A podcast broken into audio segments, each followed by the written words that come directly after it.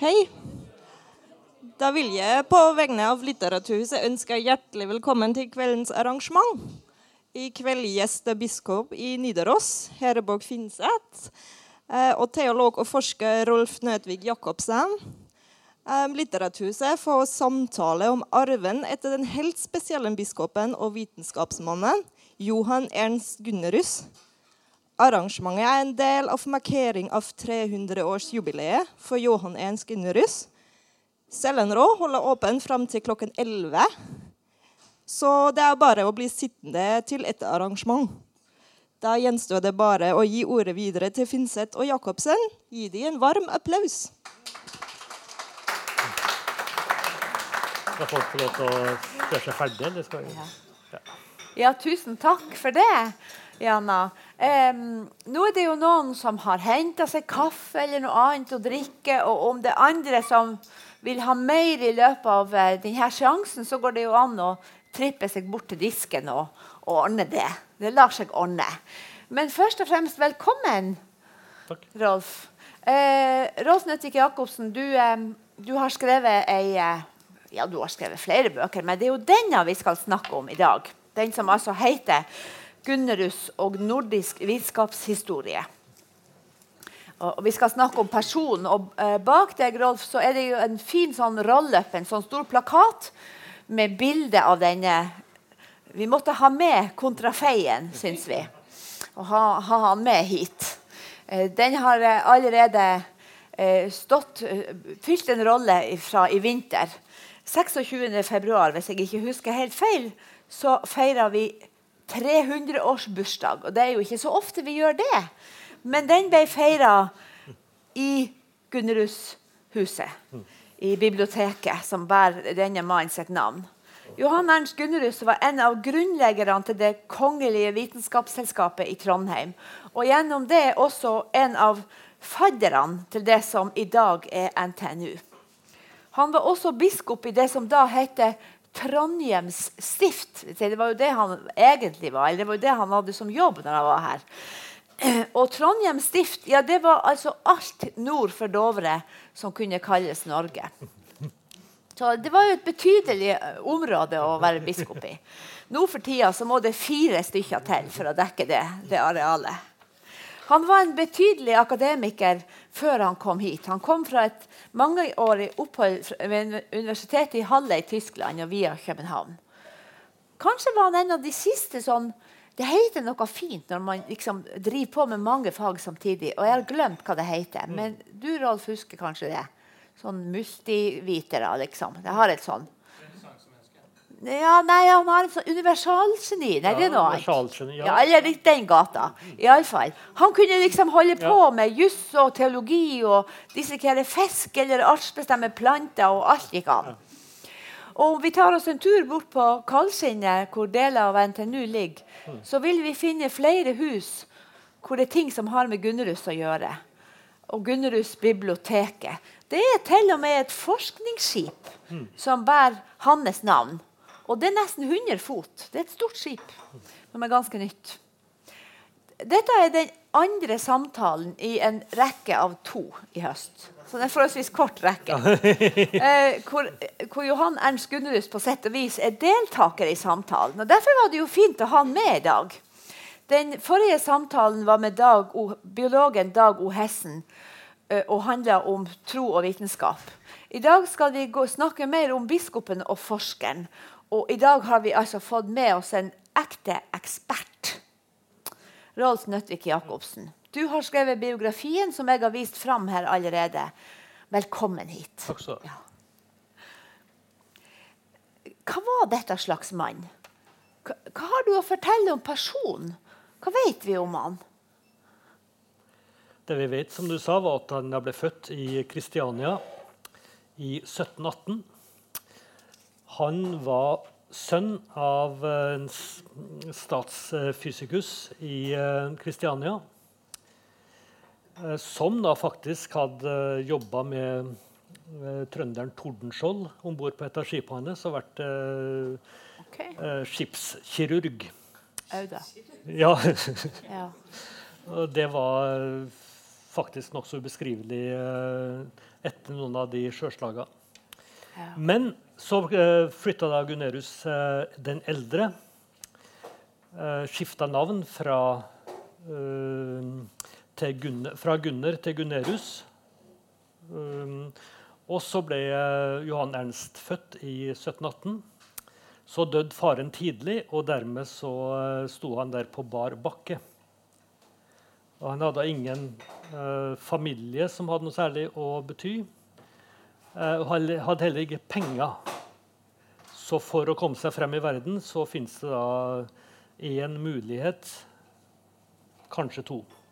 Det er utdannelse og finne seg en velynder. Eh, en som da kan betale penger for, eh, for studier og andre ting. Og der en kan si gjennom, Det er mye å si om Gunnerus. Han var også en eh, fenomenal eh, målfinnende sånn velynderleiter. Eh, så han fant seg veldig tidlig folk som da kunne gi litt penger til det her. Eh, det viktigste det her var jo da Danmark, Norge, kongedømme. Det viktigste var jo å bli kjent i, ved hoffet.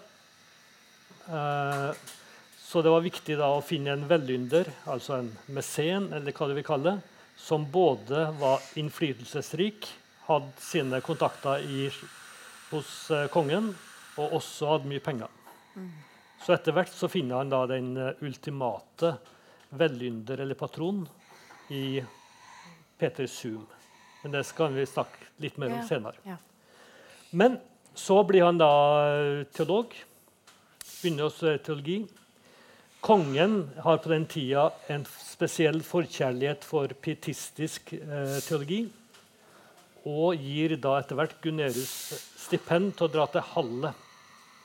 Arnestedet for den pietistiske teologien. Der eh, er han ulydig og oppsøker også Christian Wolff, som da var en eh, mer rasjonalistisk filosof. Og så igjen, da, som eh, allerede sagt, i Halle fra 42, og så i Jena i mange år, på universitetet der. Skriv veldig tjukke bøker om eh, gudsbevis. Eh, sånn bok om åtte store bøker om naturrett. Før han da blir kalt tilbake til København av kongen og blir professor i teologi på Universitetet i København. Og så, da i 1758, så får han da et kall av kongen om å bli biskop her. Og drar oppover og kommer hit. Og da starter vel vår historie.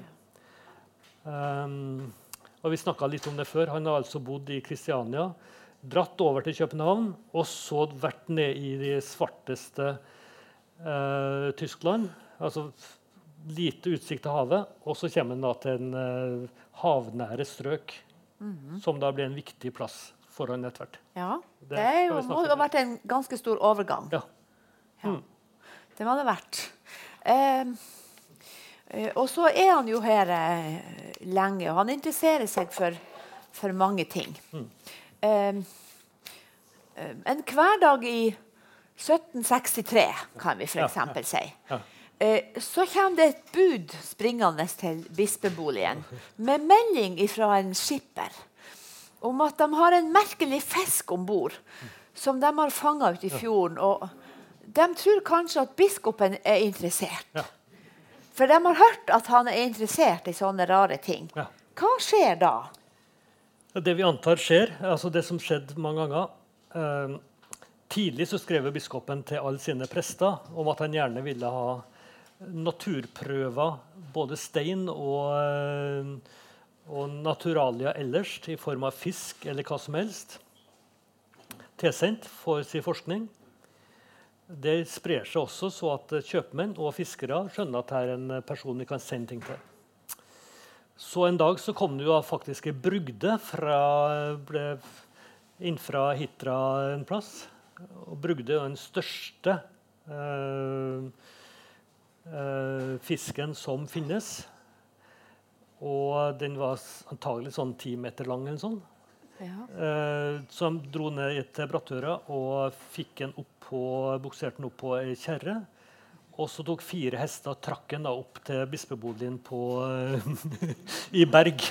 Ja, altså, Så det er jo sånn, eh, virkelig sånn karnevalfølelse. Ti meter brugde eh, oppå en, på ei kjerre. Fire hester foran. En biskop bak der. Ja. Så det var sånne ting som skjedde. Altså, og da skulle den analyseres. Da skulle den analyseres. Ja. Da begynte han å skjære opp ting. Og det har vi eh, I boka mi så er det noen veldig fine illustrasjoner som da ble laga under her. Eh, og han noterte også på eh, i bøkene sine. Eh, og drev på å skare opp med eh, den lokale statsfysikhus, eh, Henriki, og også andre. Og alt tyder på at det mm, var ei ubeskrivelig lukt i bispegården i, eh, Berg, eh, på Berg. I tillegg vet vi at det også gikk ei vill rype. For det forteller han i et brev til, til Linni. Som antagelig var et slags sånn eh, som han brukte som hund. Som la seg foran senga hans, og som han klappa av og til hvis han fikk det til. Så, og så fikk han da hele prestegården på Berg planta blomster der som han også brukte å, å sammenligne. Det tror ikke jeg finnes så mye igjen. Det var godt å kikke, men jeg tror storparten av de spørs vel blomstene det om det blir vekk, ja. Ja, ja. ja. Nei, men sånn gjorde han. ja. Og så fikk han da eh, Når han da kom til byen, så uh, syntes han det var viktig å få øka kvaliteten på de her prestene. Så han skrev da et såkalt hyrdebrev til alle eh, prestene sine. Og skrev eh, mange gode råd om preken, om eh, hva han skulle gjøre hvis det var for kaldt i kirka, men også at han har lyst til å eh, lage et vitenskapelig selskap som et slags sånn etterutdanningstiltak for prester. Og det er det som da senere blir Vitenskapsselskapet, når han kommer, eh, kommer hit og da treffer Gerhard Skjønning, som er rektor på Katedralskolen, og da denne Petter Zoom, som da er kammerjunker, altså rang nummer fire i riket, eh, som var ikke altfor rik før han kom til Trondheim og gifta seg med Karen Angel. Og dermed ble Norges eh, rikeste arving. ja. Så her har vi altså en ultimate velynder, som det het den tida. En som både hadde innflytelse på hoffet og samtidig var grunnrik. Sammen så laga de tre mennene eh, det vitenskapelige, et vitenskapelig selskap som i 1768 fikk navn av Det kongelige norske vitenskapelige selskap. Selskap. Ja. Det er jo fi- fin forankring. Ja, ja. Men du, kan ikke vi vende tilbake litt til dette hyrdebrevet? Ja. Det er jo sånn at eh, vi, vi hører jo ikke så ofte om det. Det høres jo eh, Ja, vi skjønner jo at her er det noe pastoralt ute og går. Noe eh, Ja. hyrdeaktig. Ja. Men det var altså en slags eh, bestilling da til, til prestene sine. Var det det? Ja. Eller en slags eh, programerklæring? Han sa at de måtte studere eh, sine bøker grundig, og samtidig å studere naturen. Fordi at naturkunnskap var også kilde til gudskunnskap. Og det ble etter hvert stadig viktigere for han. Og det han skrevet om. Han skrev jo en bok på 500 sider om gudsbevis. Hvor han skrev at det fins to måter å kjenne Gud på. Enten gjennom Bibelen eller Guds åpenbaring åpenbaring i, uh, i Skrifta. Eller gjennom det han kaller naturens bok. Og det å lese i naturens bok, da var det mulig å åpne et sånt forheng som man har bak der, og så se direkte inn i Guds skapervilje. Så dermed var å kunne for, eh, forske på brugde, slimål, f- eh, måke og blomster, så var det mulig å avdekke enda mer om hva Gud ville med skaperverket sitt. Ja. Og Det oppfordra han da prester til å være med på, eh, og mente at de skulle skrive eh, små avhandlinger som da kunne gjøre at de ble medlemmer i det her vitenskapelige selskapet. ja, akkurat. For det var mulig. Ja, og Det Ja. var et tverrfaglig vitens eh, selskap som skulle handle om talekunst og om naturvitenskap, juss eh, og hva som helst annet. Ja. Ja. ja, dette er jo fine greier. Det kunne høres fint ut. Det er en slags sånn kompetansehevingsplan. Det er akkurat det det var, ja, Ja, men det er akkurat det det det heter i dag. Ja, ja. Da snakker vi om ja. kompetanseheving og etterutdanningskurs og forskjellig. Eh, men prestene bodde jo veldig spredd når de bodde i et så stort område. ja. Eh, og noen av disse kunne kanskje få det brevet i løpet av noen måneder, men for noen må det jo ha tatt veldig lang tid. Fra denne tida er det jo omtrent sånn at vi vet at kommandanten i Vadsø han fikk avisen på dagen. Ett år etter at den var ute. Ja, i. Ja, ja, ja. Så det tok jo litt tid før bestillingen kom fram, antagelig.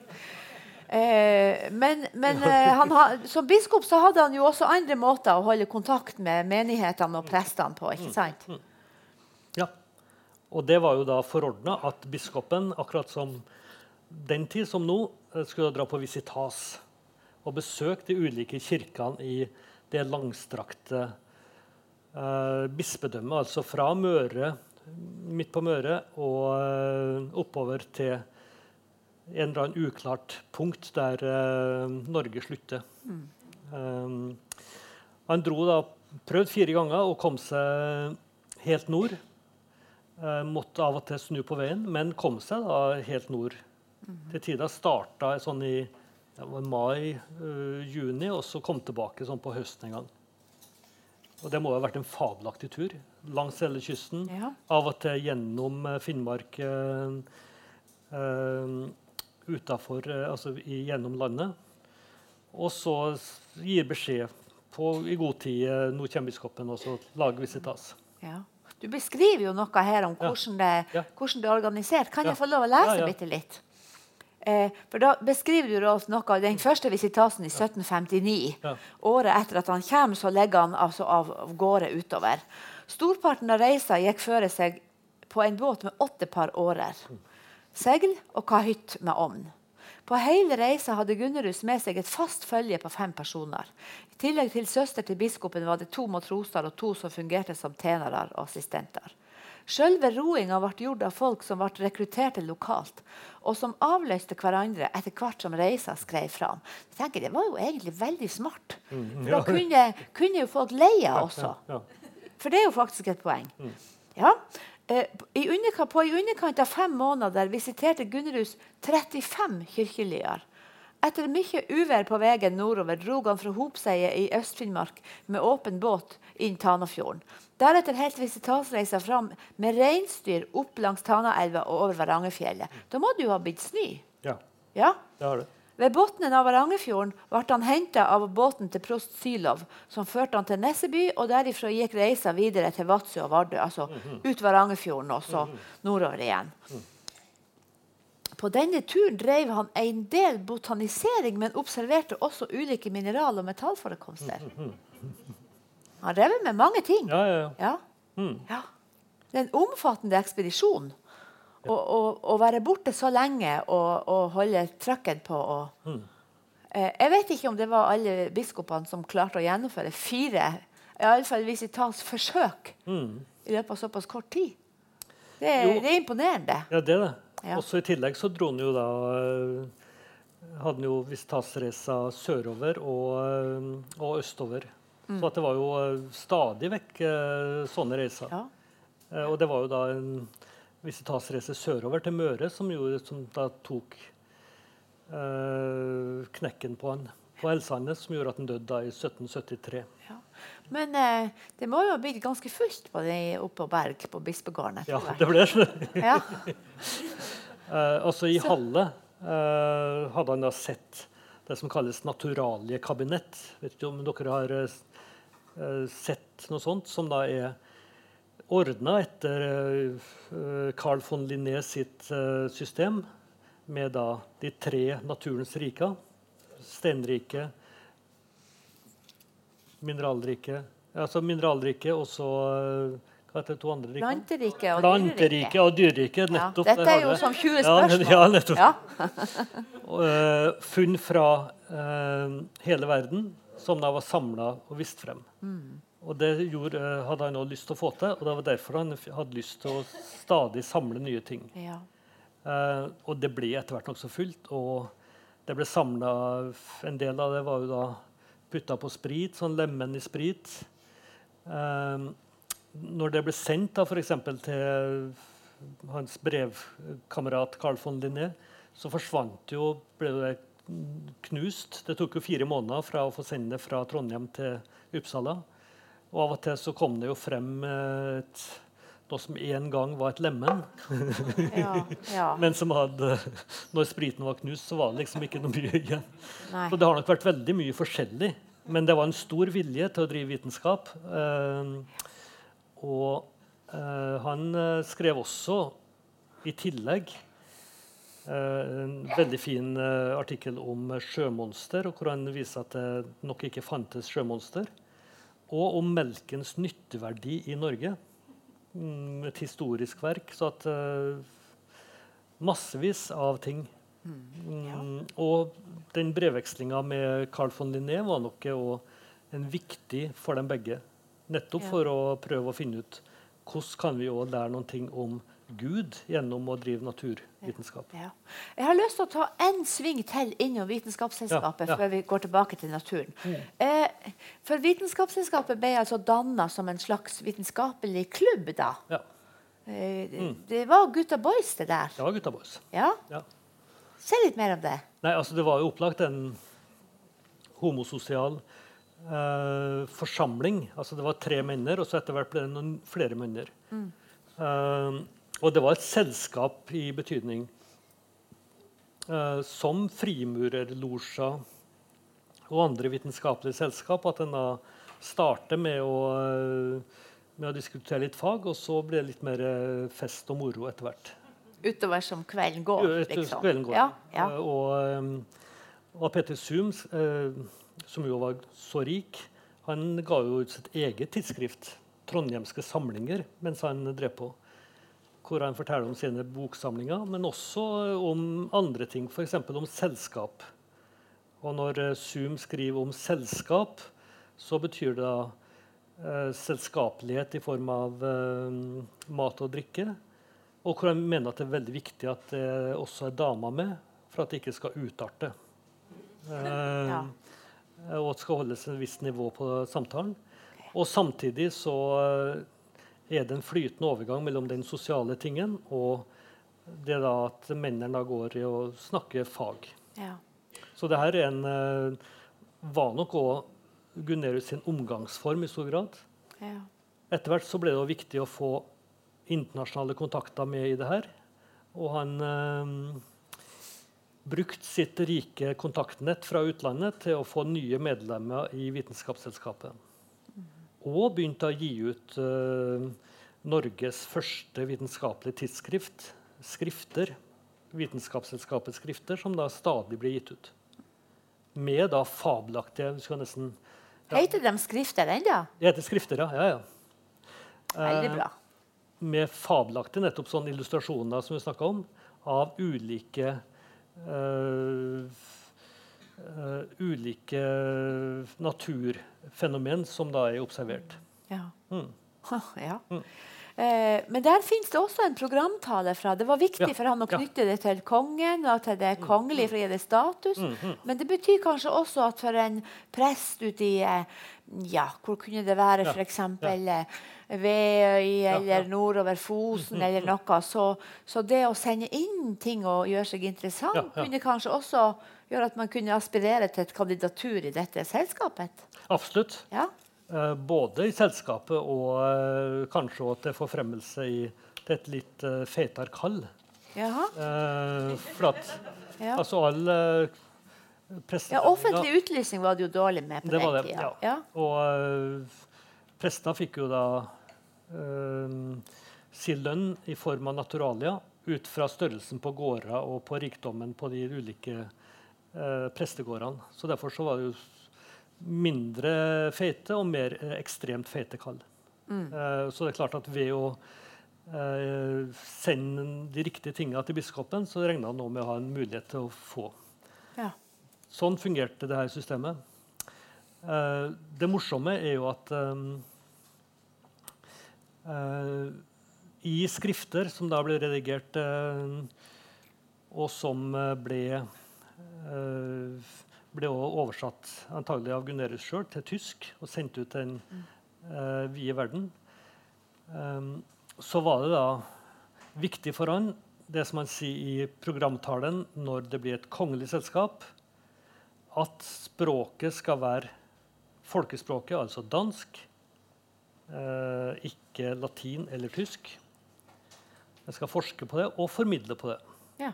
Eh, dessuten skal det være det vi kaller tverrfaglig. Mm, og det betyr at eh, eh, eh, innlegg om naturvitenskap, astronomi, er like velkommen som eh, innlegg om teologi eller juss eller eh, samfunnsgeografi eller hva som helst. Og det er som- eh, et ideal for, som har vært et ideal for Vitenskapsselskapet hele tida.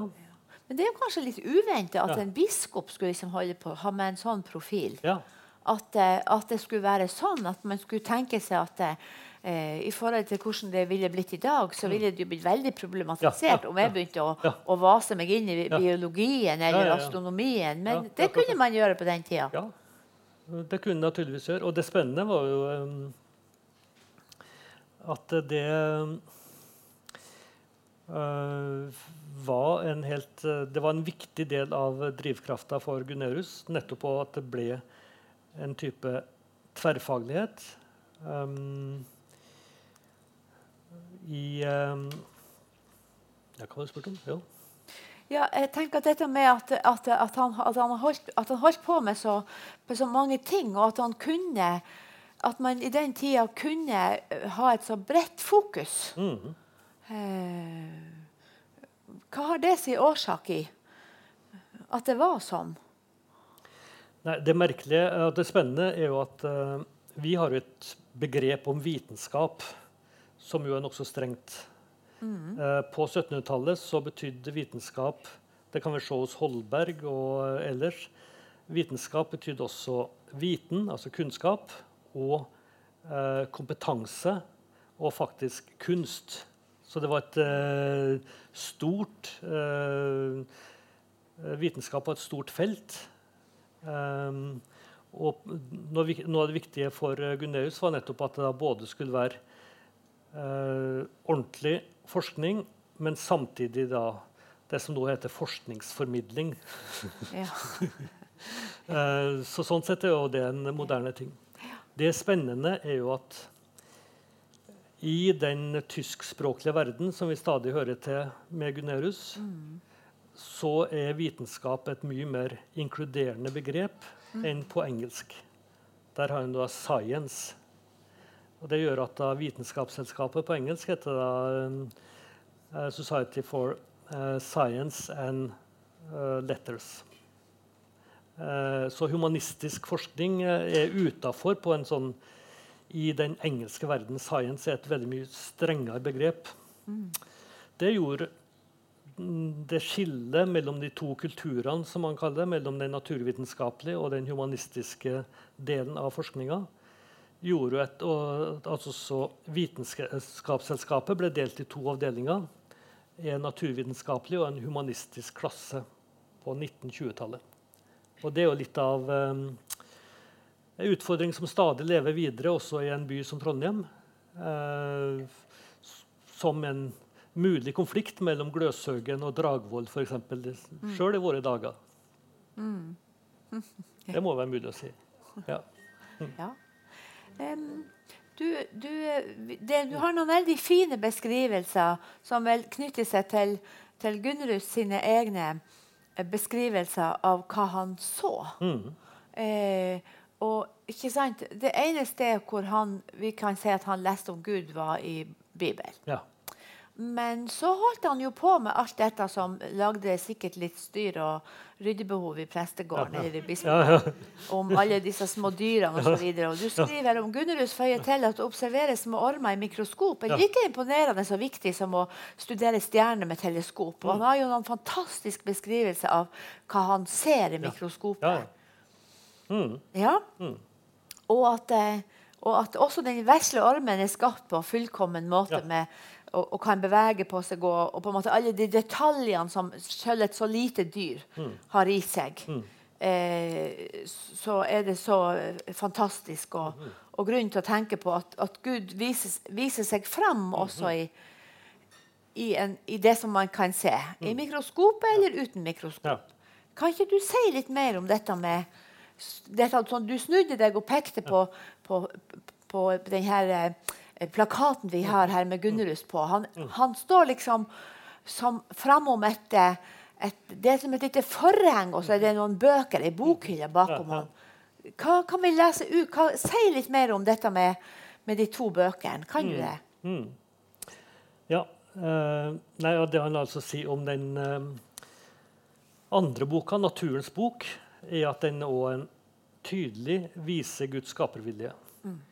Um, og det er klart at Litt spesielt uh, i en luthersk sammenheng uh, så har en tenkt seg uh, at med syndefallet så ble en del av jorda ødelagt. Men det som da skjedde i store havdypet og i stjernehimmelen, var da utafor syndefallets rekkevidde. Så dermed kunne okay. da eh, astronomi har bestandig vært en stor luthersk eh, presteting. Eh, og også det å begynne å forske på eh, For de eh, dyra i sjøen ble jo ikke ramma av syndfloden. Eller de klarte seg godt. Ja. Eh, så dermed så var det lettere å finne ut Kanskje det var skapt nøyaktig som Ikke som slangen, som da ble forvandla karakter. Nei etter det Luther tenker seg i syndefallet. Så det gjør at uh, særlig små dyr, særlig havvesen som koraller og fisk, uh, hai er en spesielt opptatt av. En lurer på om det er den fisken, hvalfisken, som Jonas uh, ble slukt av, kanskje var i brugde. Jeg mener at det var det helt sikkert. Ja, Den har jo ikke så mye tenner. Sant? Den har ikke, altså, nå, berga, veiberga fra det. Nedi og fant at det var plass til en liten uh, Jonas der. Ja. Men så var han jo spesielt opptatt, og det er en norsk spesialitet, av slimål. Uh, det er en fisk mange av oss ikke har sett, men som da han ble utrolig fascinert av når vi leser beskrivelsene av Hvis man bare rører litt oppi, så blir det et sånn skikkelig slim av, på hendene. Det er Sindi en tydelig bevis på at Gud har en skapervilje. For at den fungerer som en uh, beveger seg på bunnen og er en sånn havets renovator. Uh, etter det så blir jo, som dere vet, Sars og også Nansen forska jo på slimål. Ja. Og for 20 år siden så ble jo slimålen valgt av et flertall av norske folket til Norges nasjonalfisk. Um, men Kjell Tue i, i reiseradioen, nei, Nitimen, uh, sa at det ikke var gyldig. Uh, så det gikk til nummer to, som ble torsken. Så derfor er torsken Norges nasjonalfisk. Men dette er en av de plassene hvor han er veldig tydelig på at slimålen det viser at Gud uh, har en plan med skapelsen. Uh, samme med her er et kart som da, uh, han bruker, som er funnet tak i originalen på, som han bruker i en illustrasjon i en bok. Det er et moderne uh, kart over, uh, over, solsystemet. Og så står det her Exis creatorem. Av dette, altså av det moderne solsystemet med sola i sentrum, kan vi se Skaperen. Um, så nettopp ved å observere stjerner, slimål, eh, småkryp, hva som helst, så var det mulig å skjønne mer av hva eh, Gud som skaper hadde for seg. Mm. Og det her var en del, For Gunnerus var dette en del av hans eh, arbeid som teolog og biskop. Mm. Så noen sier at eh, det lå utafor. Det klart ikke gjorde det. Kongen han var en kongelig embetsmann. Kongen var interessert i å finne hvor mange ressurser som fantes i landet, og samtidig eh, var en teologisk arbeid viktig for han. Og det her var da teologisk arbeid som Gunnerus oppfatta det. Mm. Eh, I forrige, den forrige samtalen som jeg hadde med Dag Hessen, så, så, så snakka han også om Linné. Eh, Han har også skrevet noe om Linné Ja, og, ja. og gjorde et poeng av, eh, av Linné som en før-darwinist. Eh, på den måten at Linné tenkte seg at det gitte antall skapninger i verden er, er gitt. Det er et fast antall.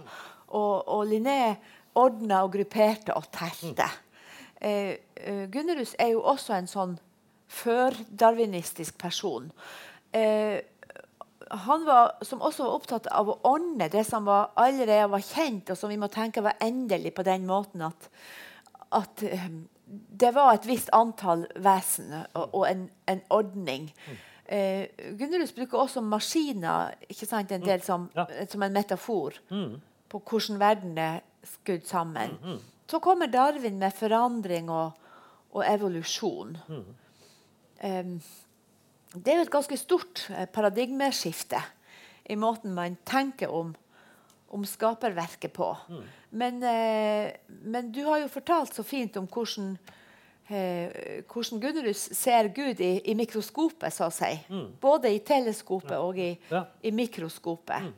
Uh, men dette er kanskje en av de tingene som, har, som til tider har vært problematisk for, for mange. At eh, artene som forandrer seg og, og utvikler seg. Eh, hva var det egentlig Gud skapte, og hvordan skal vi forstå dette med evolusjon? Eh, det er jo, vi kan jo drive på med sånn det som man kaller kontrafaktisk historieskriving og si enn hvis Ja. enn hvis eh, vi hadde møtt Hvis Gunnerus hadde møtt Darwin, ja. hva, hva, hva, tror du hadde skjedd da? Ja, altså Bare for å si det, så er jo klart at eh, her er det et eh, 100 år eh, forskjell. Og at eh, det som alle de her eh, folka som Linné og Gunerius og massevis av det som ble kalt dilettanter, folk som ikke hadde utdannelse, men som var eh, prester eller eh, godseiere eller lærere, fikk samla inn var massevis av informasjon som kunne brukes, og som også Darwin brukte.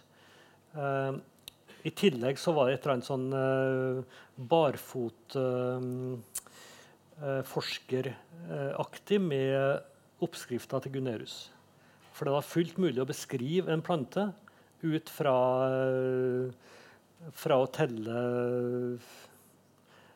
støvbærere og hva som helst. Så det, det er en sånn uten altfor dyre bøker og illustrasjoner, men det var mulig å gjøre det sjøl, som da var en viktig ting.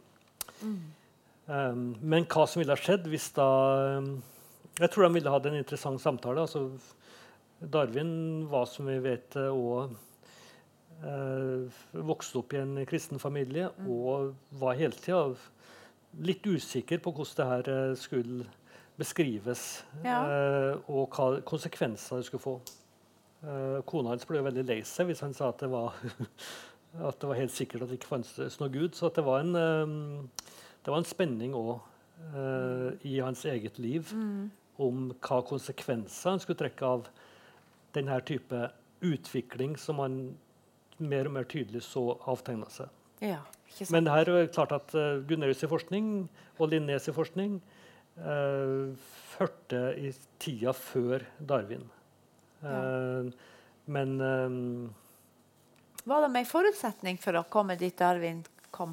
jeg tror, ja, er Ja. opplagt eh, for å få samla inn så mye stoff. Ja.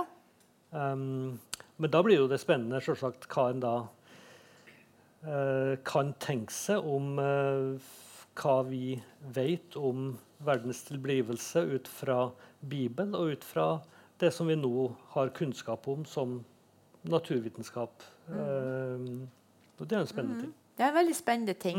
eh, eh, jeg husker godt en av mine første timer i hebraisk. Ja, ja. Det har jeg jo måttet lært litt. Det er jo meget grunnleggende Ja, ja, ja. da. Men da begynte vi jo, som seg hør og bør, på den første side én Mm. bakerst. For eh, hebraisk, da leser man bakfra og framover. Eh, Og da vet vi at da kommer vi ganske fort på norsk til den første dagen osv. Da stoppa hebraisklæreren opp og så sa han, det tidsbegrepet det er svært uklart. Det kunne like godt ha stått 'på den tida'. Men noen valgte altså en gang å oversette med 'dag'. Og dermed var vi stuck Ja. med 'dag'. Ja. Kanskje hadde det vært noen, eh, noen utfordringer mindre hvis jeg, for Darwin også, hvis man hadde valgt et annet ord. Eh, men det bringer oss over på dette med forholdet mellom, mellom tro og vitenskap. For oss så blir det jo fort en, en dikotomi, et skille mellom troen og vitenskapen. At de er som olje og vann, eller, eller at de ikke kan forenes. Og, og Gunnerus tenkte jo annerledes om det. Ja, og det mm, Og det merkelige er jo at eh, Jeg sjøl har jo vokst opp da som eh, teolog og eh, som en del av en humanistisk tradisjon. Og tenkt at det finnes noen andre folk borti der som driver med naturvitenskap eller med ordentlig vitenskap. Og det var noe av det fine men når jeg drev på og skrev bok her, så eh, begynte jeg å samarbeide med mm, å snakke med naturvitere og Ja. eh, folk som har drevet på. Oppdaga jo at eh, her er det jo massevis Veldig mye for dem å lære òg, men sikkert av oss humanister. Men så mye som en da bare kan lære seg av å snakke med folk som har greie på hva ei rugde er, for, f.eks. Eller hva ulike dyr egentlig driver på med. Så jeg har jo da som eh, skrevet en del om eh, Vesos, f.eks. Jeg har lest rugda tre ganger. Eller fuglene av eh, Vesos tre Ja. ganger. Hørte den på lydbok, lest av Vesos sjøl to ganger. Aldri stilt spørsmålet hvordan ser jeg rugde ut? Eh, hva er et rugdetrekk? Det fikk jeg da greie på når jeg begynte å snakke med mine venner på eh, biblioteket og museet som driver på med sånt. Så det her er jo en del av det spennende at vi har òg vært litt sånn redd for å snakke ordentlig med hverandre i en eh, vitenskapelig sammenheng. eh, og prøve å finne ut hva, hva kan eh, eh, naturvitenskap lære oss? Hva kan hjerneforskning lære oss av hvordan verden er skrudd sammen? Og Jeg tror det, vil, det er en spennende ting som eh, Jeg kan ikke skjønne annet enn at den samtalen ville da Gunerius synes var spennende, hvis han nå hadde kommet i en sånn tidsmaskin. eh, Ja. Mm. Ja. ja, det kan vi jo innbille oss hvis Ja. han hadde trådt ut av veggen her. Ja, ja, kom inn hit. Hva skulle vi introdusert han for? Mm. Eh, det har jo vært noen programmer på TV for eksempel, hvor man har hatt veldig stor glede av å introdusere en robot. ikke sant? Mm. Og disse robotene som vi har møtt også på NTNU, som liksom kan Nå gjør jeg det i anførselstegn. Kan snakke. altså De er jo programmert på hva de skal snakke. Eller disse som svarer. Eller når du, når du, hvis du har en sånn telefon hvor Siri kan svare for deg. Ja. ja. eh, ja, hva, eh, hva Dette jo, hadde jo vært veldig interessant å se hva hadde han tenkt om det.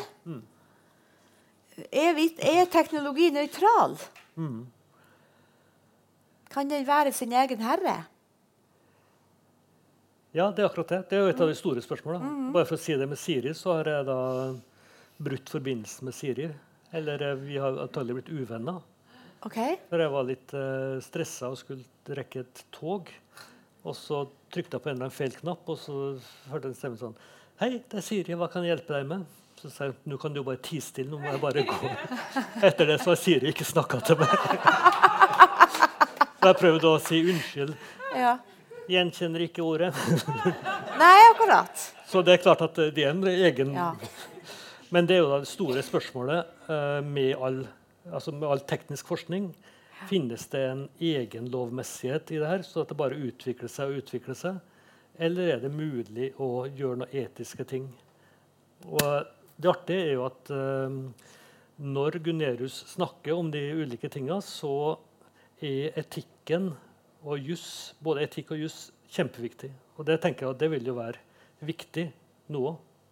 Um, det er vel Bjørn enig i, f.eks. Ja.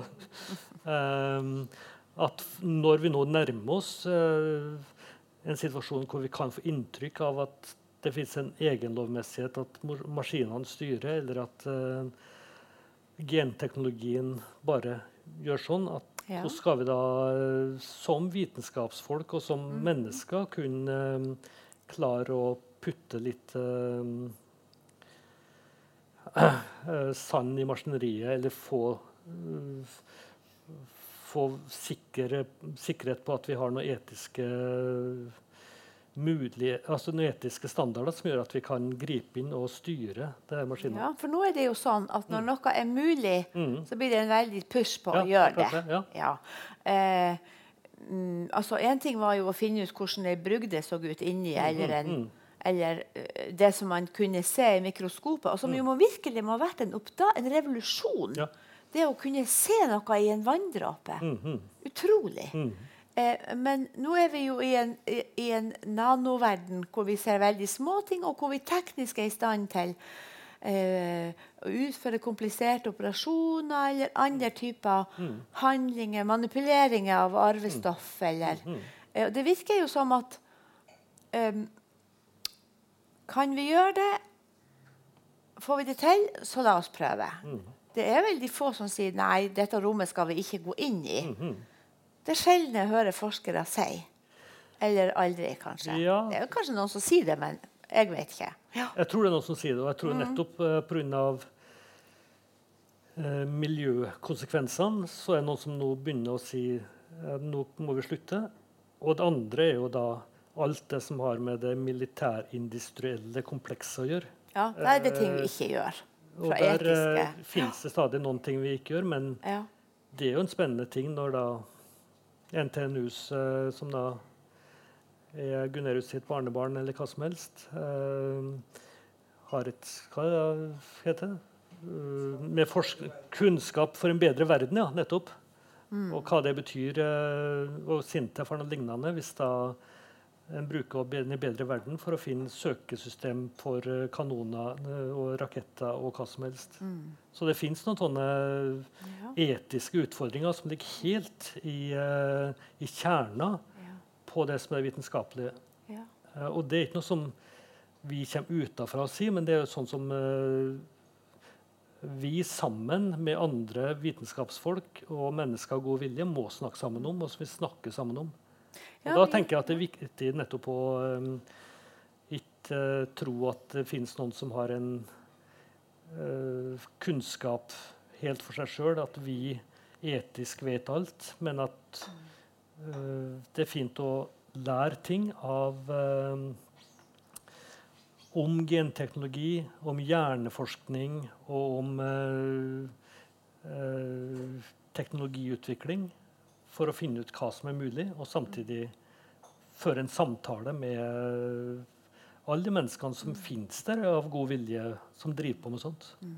Ja, for Det er jo mange sånne banebrytende ting mm. som skjer. Ja. Eh, jeg har tidligere hørt om forskning hvor man ser at de mm, altså den, Det limet, den festemuskelen, eller det mm. festet mellom festemuskelen og korallen dypt nede i havet, mm. er et så sterkt limstoff. Mm at det kan man f.eks. bruke som et alternativ til sutur, altså til når man må sy mm. i, i stor operasjon, med en hjerteoperasjon. Mm. Så istedenfor å, å sy i vevet, så kan man på en måte lime med det limstoffet som korallen ja. holder seg fast ja, ja. nede i havet med. Mm. Eh, men så har du jo også eh, teknologi som kanskje brukes for å ja, når man har sånne kikkhullsoperasjoner eller bitte små instrument med lys på som man bruker inni kroppen for å gjøre en operasjon ja. for å gjøre folk friske, mm. så kan det f.eks. også brukes i en krigssammenheng ja. og for å skade noen. Mm. uh, jo, dilemmaen med, med nye oppfinninger, og som du er borti med. ikke sant? Det som for, forbedrer verden, og som plutselig mm. kan vise et janusansikt. Ja. Nei, og det er da jeg tror at uh, den felles etiske samtalen er såpass viktig.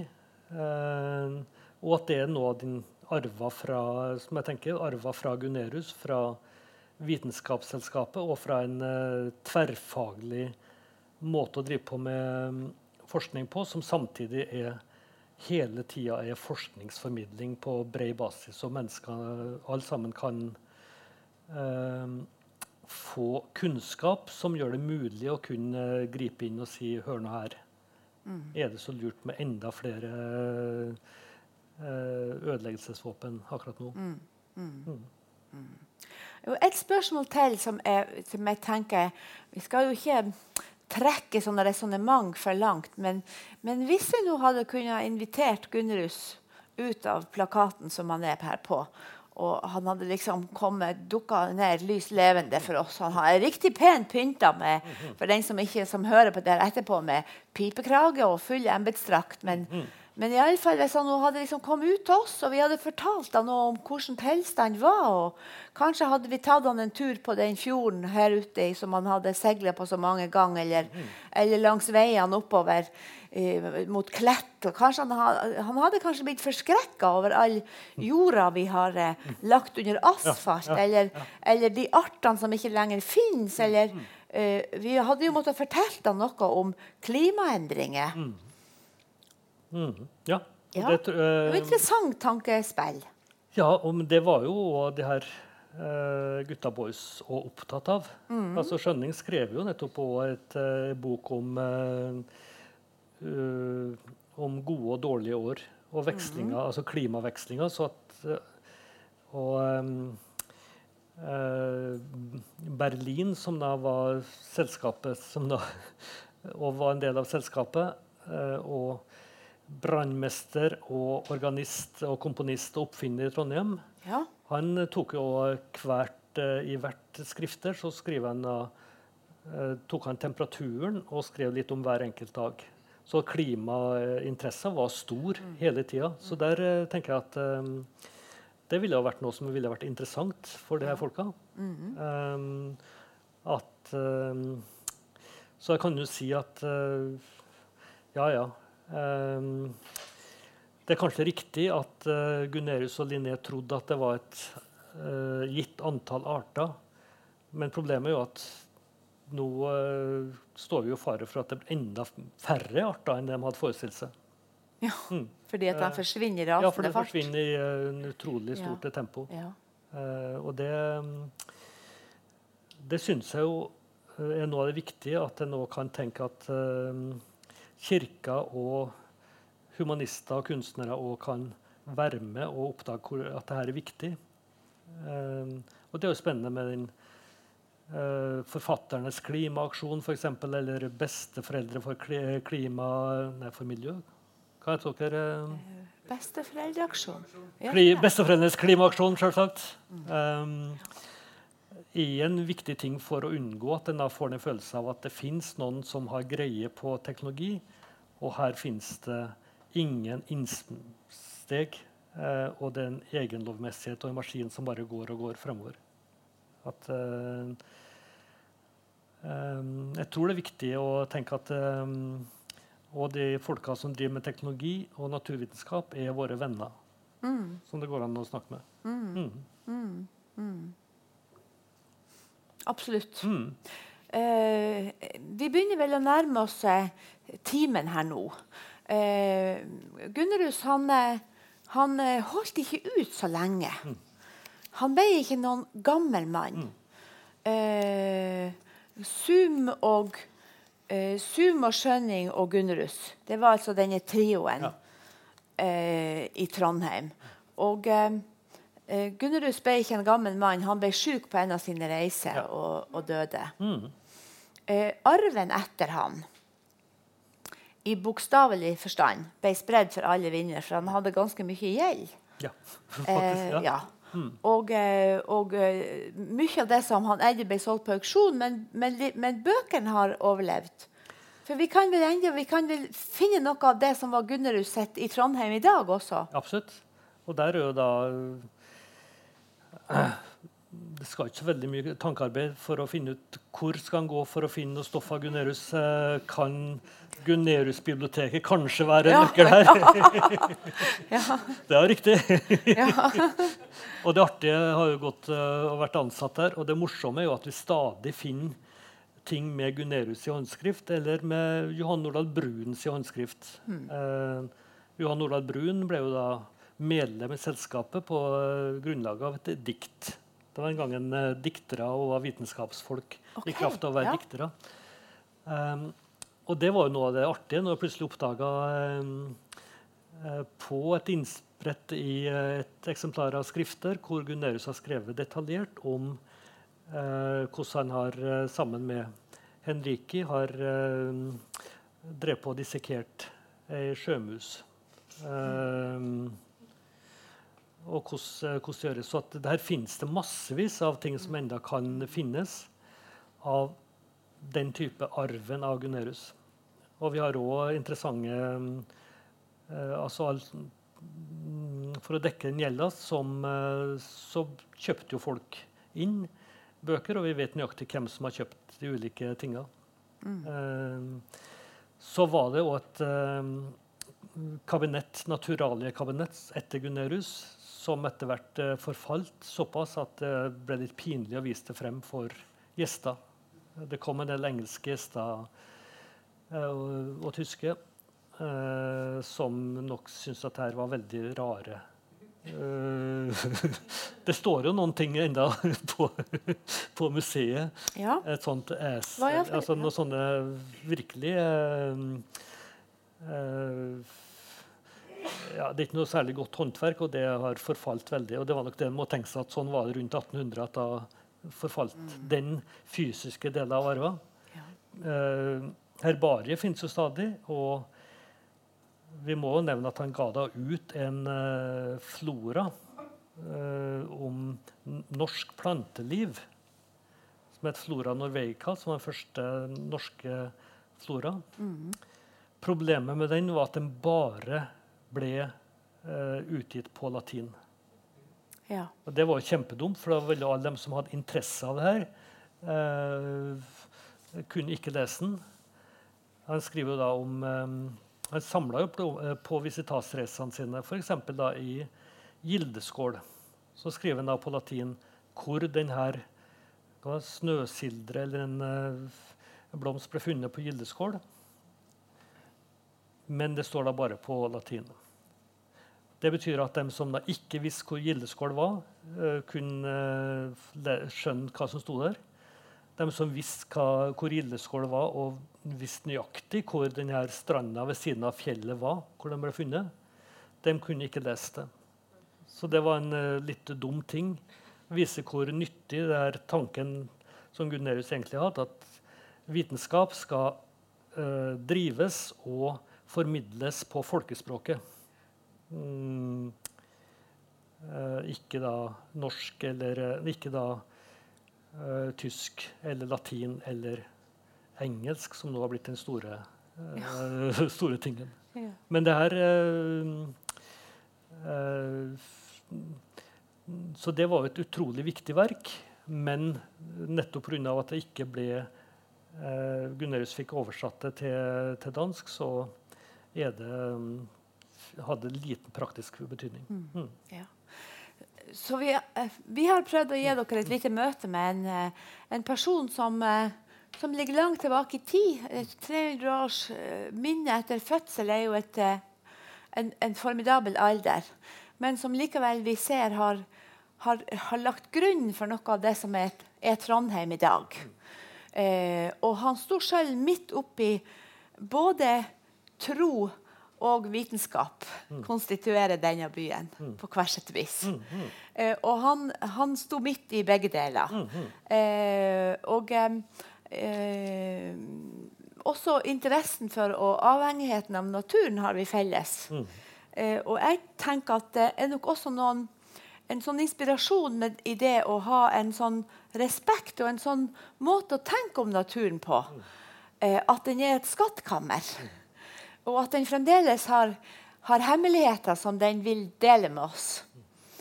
Selv om vi vet så mye, så oppdager vi stadig nye ting. Det er utrolig spennende. Og, en, og en gave. Ja, men det, Ja. ja, og det er jo både naturen, men det finnes jo den, sånne merkelige ting som ligger rundt omkring. Som da skjønning da, og Zoom kanskje var enda mer interessert i. Eh, vi snakka nettopp om eh, Neste år så er den store feiringa av eh, Missale nidrosiense. eh, Norges eh, første bestilte praktverk, store bok. Hva er en missale? for? Missale er da ei alterbok som ble laga av erkebiskopen i Trondheim. Bestilt av erkebiskopen i Trondheim. Laga av folk som da snakka eh, norsk. Trøndere. Trykt i København på latin. Eh, praktbok. Eh, den kom ut i 1519, og da er det altså neste år, hvis dere klarer å spole, 500 år. Så det skal vi markere stort i Trondheim. Når da Arne, som da eh, er sogneprest i Oppdal, rydda på loftet sitt når han starta, eh, flytta inn i prestegården i Oppdal, så fant han da mellom hauger av For fattig og rik eh, og andre historiske tidsskrift ei bok som eh, Han lurte på hva det var for noe, så sto det noe skrevet inn. og så ja. Men så oppdaga han en kjent illustrasjon og oppdaga at her var jo faktisk et eksemplar av Missale. Som er i fabelaktig god stand. Og Som som hadde ligget på loftet i som hadde ligget på loftet i lang tid, og som da nå fins på pressekontoret i Oppdal. Så at det er jo stadig sånne skatter å finne rundt omkring. Um, og, som, um, og som jeg tror er kjempeviktig også for uh, folk i, uh, i um, hele landsdelen. Vi hadde et møte på uh, Oppdal som historielaget eh, arrangert. Eh, fikk lagt Missale frem, så folk kunne komme og se det. Eh, nesten at han fikk lyst til å ta på det, for bokstavene var så tydelig stadig. Kaldt er det på Oppdal, så det er gode eh, forhold for sånt. Um, og det spennende var at det da dukka opp over 200 stykker for å være med på et møte om Missale nidrosiense fra 1519 i Oppdal. Ja. Uh, så, det er da, så jeg tror òg at den koblinga av lokalhistorie, natur, lokal naturhistorie, eh, er viktig. Sånn som vi eh, i livene våre nå. Ja. Mm. ja. Så det fins fremdeles grunn til å kunne la seg inspirere av Johan Ernst Gunnerus. Ja, og rydde på loftet. Og rydde på loftet.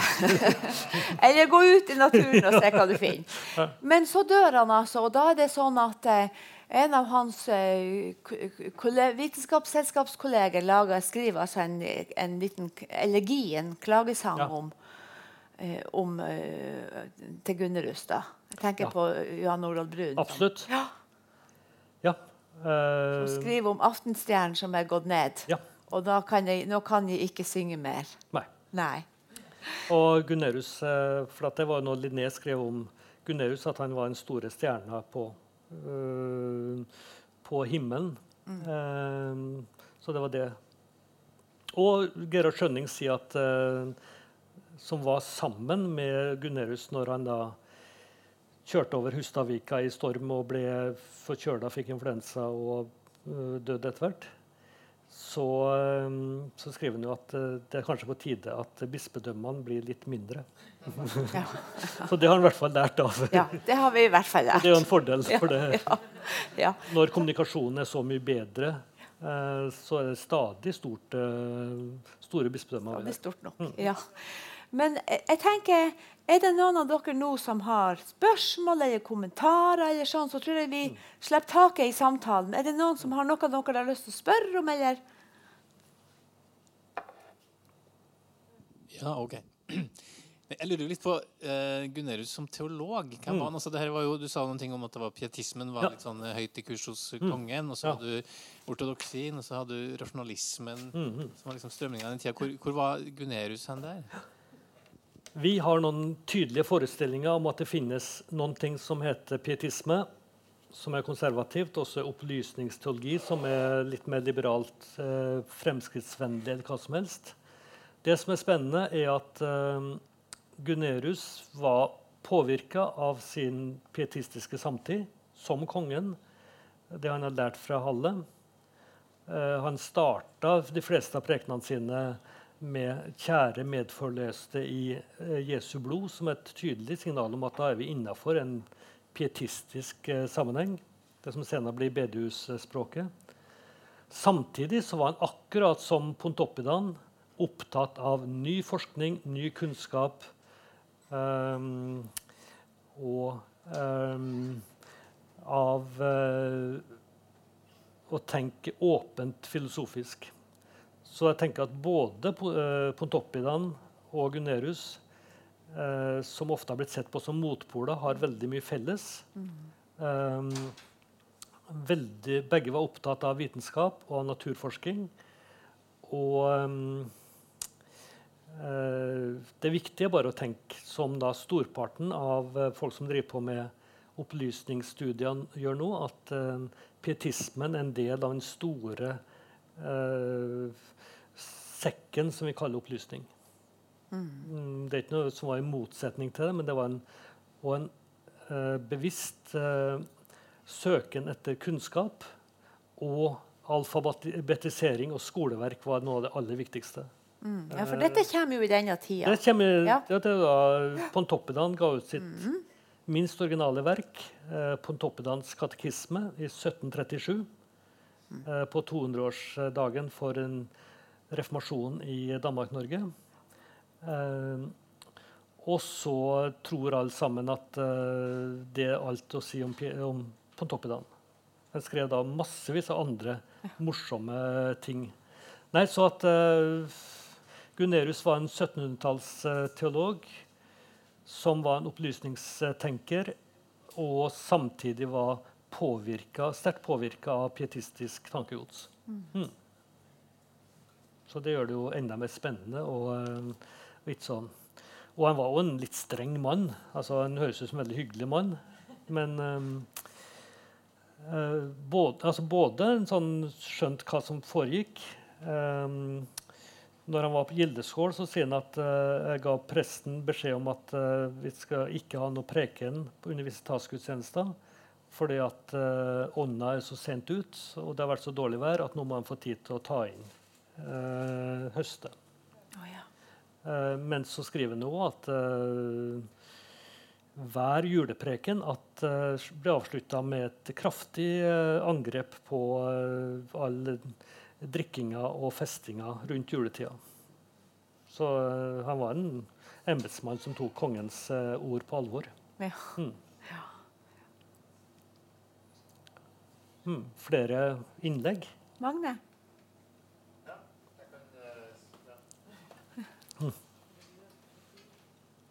Bare litt i fortsettelsen av det spørsmålet som kom nå, om eh, teologen Gunerius. Mm. Vi har jo fått tegna et bilde her av en teolog og en biskop som så tydelig så verdien av eh, naturvitenskapen og formidla den, mm. og ikke minst eh, så hvordan den utvida gudsbildet, eh, gudsforståelse. Mm.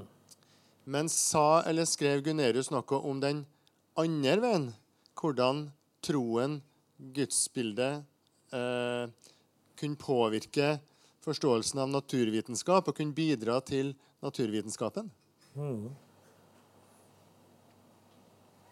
Det er klart at både eh, Gunerius og storparten av de folka han uh, arbeidet sammen med, som da Linné, som han brevveksla sammen med, var jo øh, Kjente jo øh, sin bibel ut og inn. Uh, I Linné sine skrifter så er det tydelig at han har lest Bibel, uh, Bibelen godt, og samtidig var påvirka av Johan Arnt, som da var den store klassiske, mystiske teologen, uh, en tidlig pietist fra 1600-tallet, som han hadde lest hjemme i prestegården hos faren på, på Linné. Så at det er klart at for både språket og um, den måten de forestilte seg de ulike verdenene på, var påvirka av en bibelsk eh, sammenheng. Eh, og det gjaldt for nesten alle det her.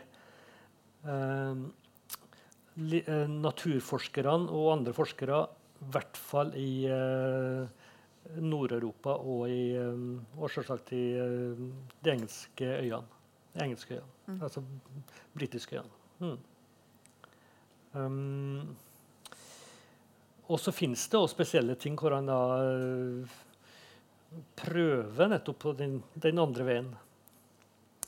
Um, men um, om Det spennende er jo hvor, hvordan vi skal vurdere det i dag. Jeg tror uh, en del av det fikk han jo ikke et stort gjennomslag for i samtida, men det var et forsøk. Mm.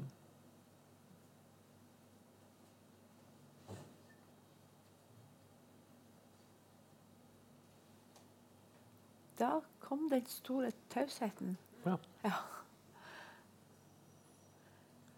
Mm. ja.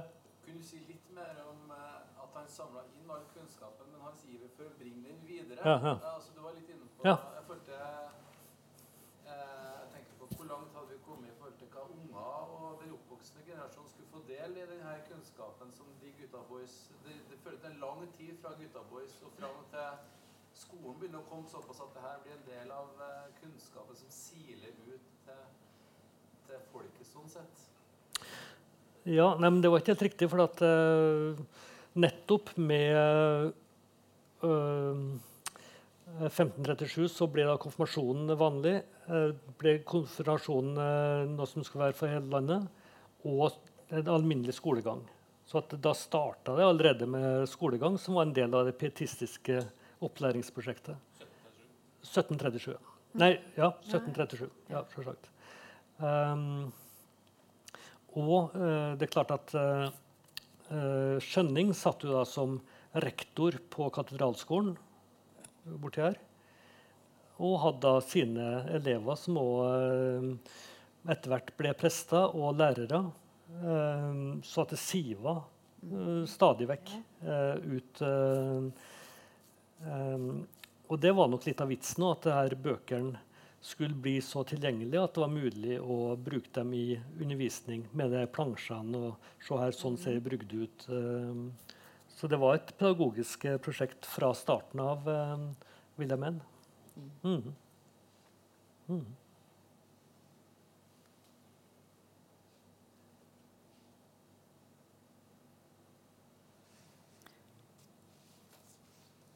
ja, Ja. i selskapet ja. så hadde man jo kanskje gått over til det som, eh, som du anbefalte her i sted, med disse middagsmåltider som skal, som skal eh, være, være hyggelige osv. Skal man, eh, skal, skal man helst ha, ha med begge kjønn, så man ikke utarter. Var det Ja, ikke det du sa?